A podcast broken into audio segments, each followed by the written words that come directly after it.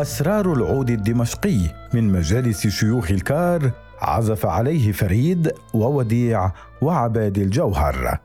جواد ديوب.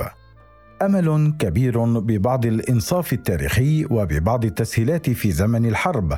هذا ما زرعه قرار اليونسكو بإدراج عنصر صناعة العود والعزف عليه في سوريا على قائمة التراث الإنساني الثقافي اللامادي.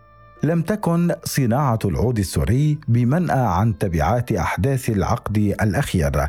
حالها حال كل شيء في البلاد. فالألحان الممتعة السعيدة التي قدمتها هذه الأعواد إلى العالم بلغها الحزن كما بلغ صناعها. فهل تنجو صناعة العود الأقدم في العالم من آثار السنوات العشر الأخيرة كما نجت من أربعة ألف عام قبلها؟ للإجابة على هذا السؤال. زار رصيف 22 بعض أهم ورشات صناعة العود في دمشق القديمة والتقى بشيوخ الكار وببعض أشهر العازفين والصناع ممن توارثوا هذه المهنة من آبائهم وأجدادهم كما توارثوا أسماء عائلاتهم. احتفال شيوخ الكار. رشا برهوم هي المساعد التنفيذي في برنامج التراث الحي في الأمانة السورية للتنمية. ومن المشغلات في ملف الترشيح المشترك السوري الإيراني. تشير إلى أن الأمانة السورية للتنمية كانت قد حضرت بكامل فرقها وبشكل متزامن لقاءات على هامش منتدى المنظمات الدولية في مركز التراث اللامادي في طهران. وهناك تم طرح فكرة إعداد ملف مشترك حول صناعة العود والعزف عليه وأن العمل على هذا الملف مستمر منذ العام 2018 حيث تم حصر 100 عنصر من التراث الحي في سوريا ومن ضمنها صناعة الأعواد.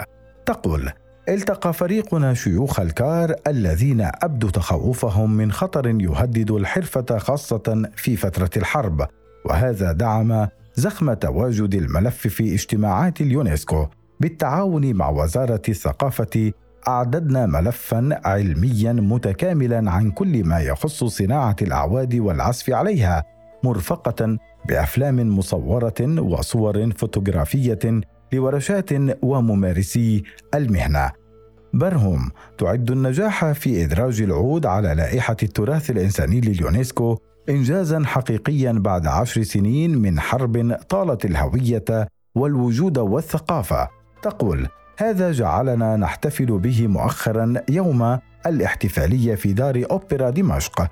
أما قائد الفرقة الوطنية السورية للموسيقى العربية وعازف العود عدنان فتح الله فيرى أن اعتراف اليونسكو سيساهم في انتشار آلة العود عالميا وبالتالي في انتشار تجاربهم الموسيقية كعازفي سولو والمؤلفات الأوركسترالية المخصصة للعود. مثل مقطوعة السوري نوري إسكندر كونشيرتو العود من ثلاث حركات والتي أثبت فيها أن العود آلة مرنة مطوعة ومنسجمة في عزف النمط الكلاسيكي الغربي للموسيقى وليس فقط في التخت الشرقي الأصيل.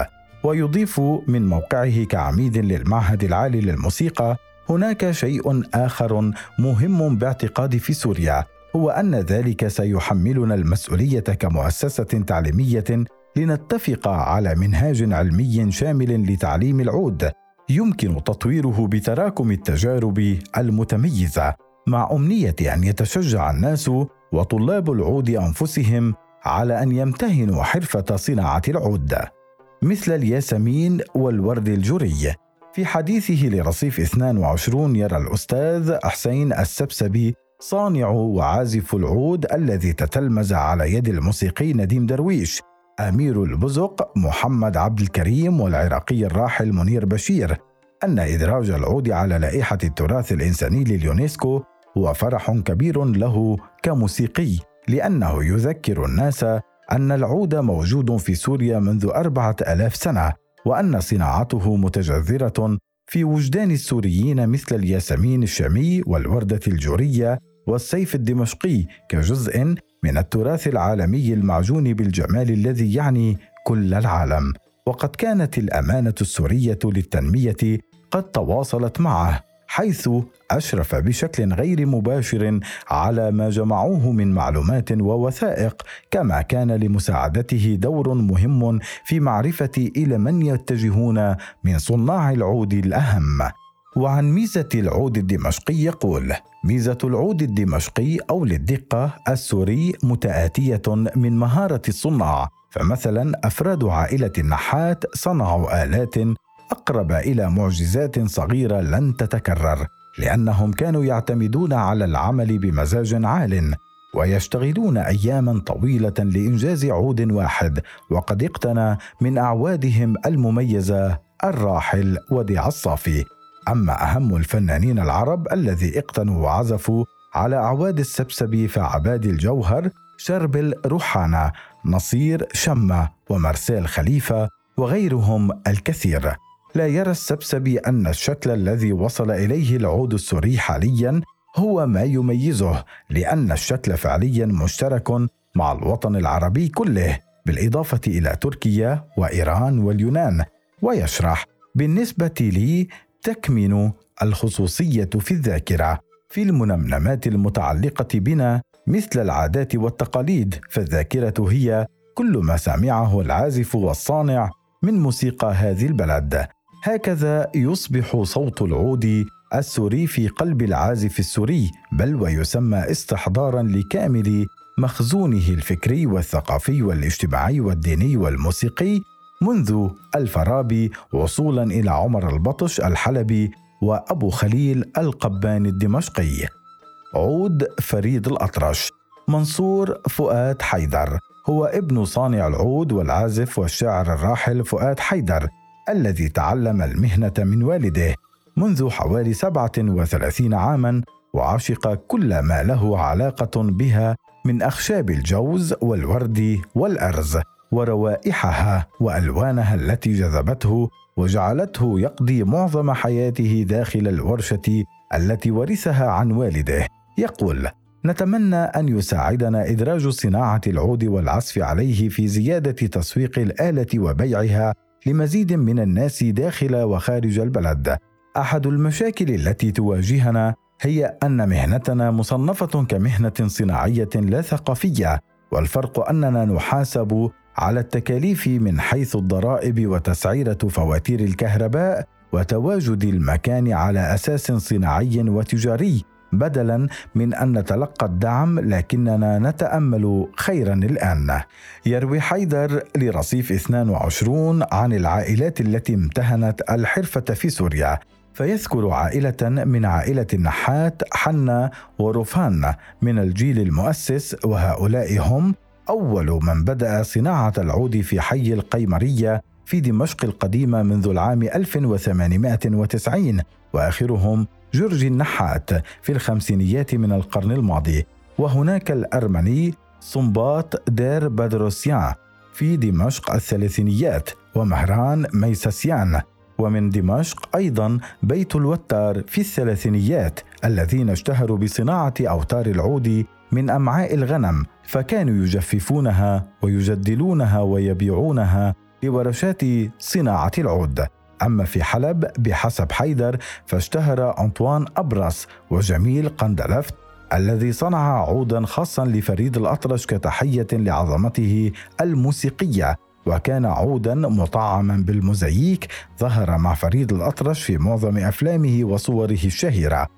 وفيما يخص الصعوبات التي تواجهها صناعة العود فيتحدث مع رصيف 22 صانع الأعواد الشهير المهندس إبراهيم سكر من حلب وهو أول من أدخل الليزر إلى هذه المهنة في التسعينيات وأول من صنع بيتا للعود من مادة الفايبر لحمايته أثناء الشحن وسفر العازفين. يقول تصنيف ورشات صناعة العود ضمن ورشات نجارة الخشب يظلم عراقة المهنة وحقوق الصناع المعنوية والمادية.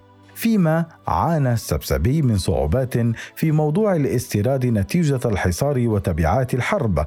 يقول بعض الشركات تبلغنا بأنها غير مسؤولة عن فقدان شحنات الخشب المرسلة إلينا. وحصل معي شخصيا أنني تعرضت للنصب من شركات وهمية دفعنا لها مبالغا خيالية ثم تبين أنها غير مسجلة في بلد المنشأ وهكذا ضاعت الشحنة والمال والتعب. أول صانعة أعواد. لعل ولع السوريين بآلة العود جعل نسغ الأجداد يسري في عروق الأحفاد. فها هي ماري الطويل ابنة صانع الأعواد الدمشقي أنطون الطويل. تروي لرصيف 22 حكايتها. تقول كنت في طفولتي أدخل ورشة جدي إبراهيم الطويل في الشام القديمة. ألعب بالأخشاب وعلب الصمغ والألوان. أشاكسه وأدور حوله. وقد أخرب له ما اشتغله في محاولة مني للفت نظره. حتى صنع لي مرسما خشبيا خاصا بي ليتخلص من شقاوتي. ثم عندما كبرت وتقريبا في عام 2008 طلبت من والدي أنطون الطويل أن أعمل معه في ورشته في سوق المهن اليدوية. استغرب واعتقد أنني أمازحه لكنه عندما وجد محبتي الشديدة للرسم وزخرفته قمرات العود الشمسيات التي توضع على فتحات العود علمني أسرار المهنة وشجعني لأشتغل يدويا في تخريق وتفريغ الزخرفات. ثم تعلمت كيفية تجميع صدر ووجه العود بالغراء والكاوي وبعدها تطعيم الصدر بالمزييك وكل ذلك يدويا لأننا لا نستخدم الآلة في صناعة أعوادنا. شاركت ماري في معرض طريق الحرير ومهرجان الضيعة وفي مهرجان شيوخ الكار في محطة الحجاز في دمشق. ويومها حصلت على شهادة شيخة الكار في صناعة العود تقول بحسب علمي أنا الصبية الوحيدة التي تعمل في هذه المهنة في سوريا وحول ردود الفعل تقول ردود متباينة قلة من وجد ذلك تميزا للأسف معظمهم استهجن وجودي في مهنة تعد مهنة ذكور في حين أذكر أن الأجانب الذين تواجدوا قبل الحرب كانوا يبتهجون ويطلبون أن يلتقطوا صورا تذكارية معي أتمنى أن أتمكن من الاستمرار. فأنا رغم شغفي الشديد بهذه المهنة متزوجة وعندي أولاد أحدهم في البكالوريا وبحاجة إلى دعم وتفريغ له كما أنني شخصيا طالبة في السنة الرابعة باختصاص السياحة. ماريا الطويل ليست الوحيدة في سوريا اللواتي ورثنا جينات أورنينا المغنية في معبد عشتار في مملكة ماريا القديمة. إذ تألقت الكثيرات في عوالم العزف على العود مثل عبير حسون وماري نعيم ورحاب عازر. يختم فتح الله بقوله نأمل أن يلفت هذا الإنجاز أنظار أصحاب رؤوس الأموال لكي يدعموا وينتجوا على غرار شركات الإنتاج الدرامي مؤلفات موسيقية يكتبها شباب سوريون مبدعون خاصة أن لدينا تجربة معاصرة مهمة ومميزة هي رباعي العود السوري الذي أسسه وكتب مؤلفاته الأستاذ والعازف محمد عثمان.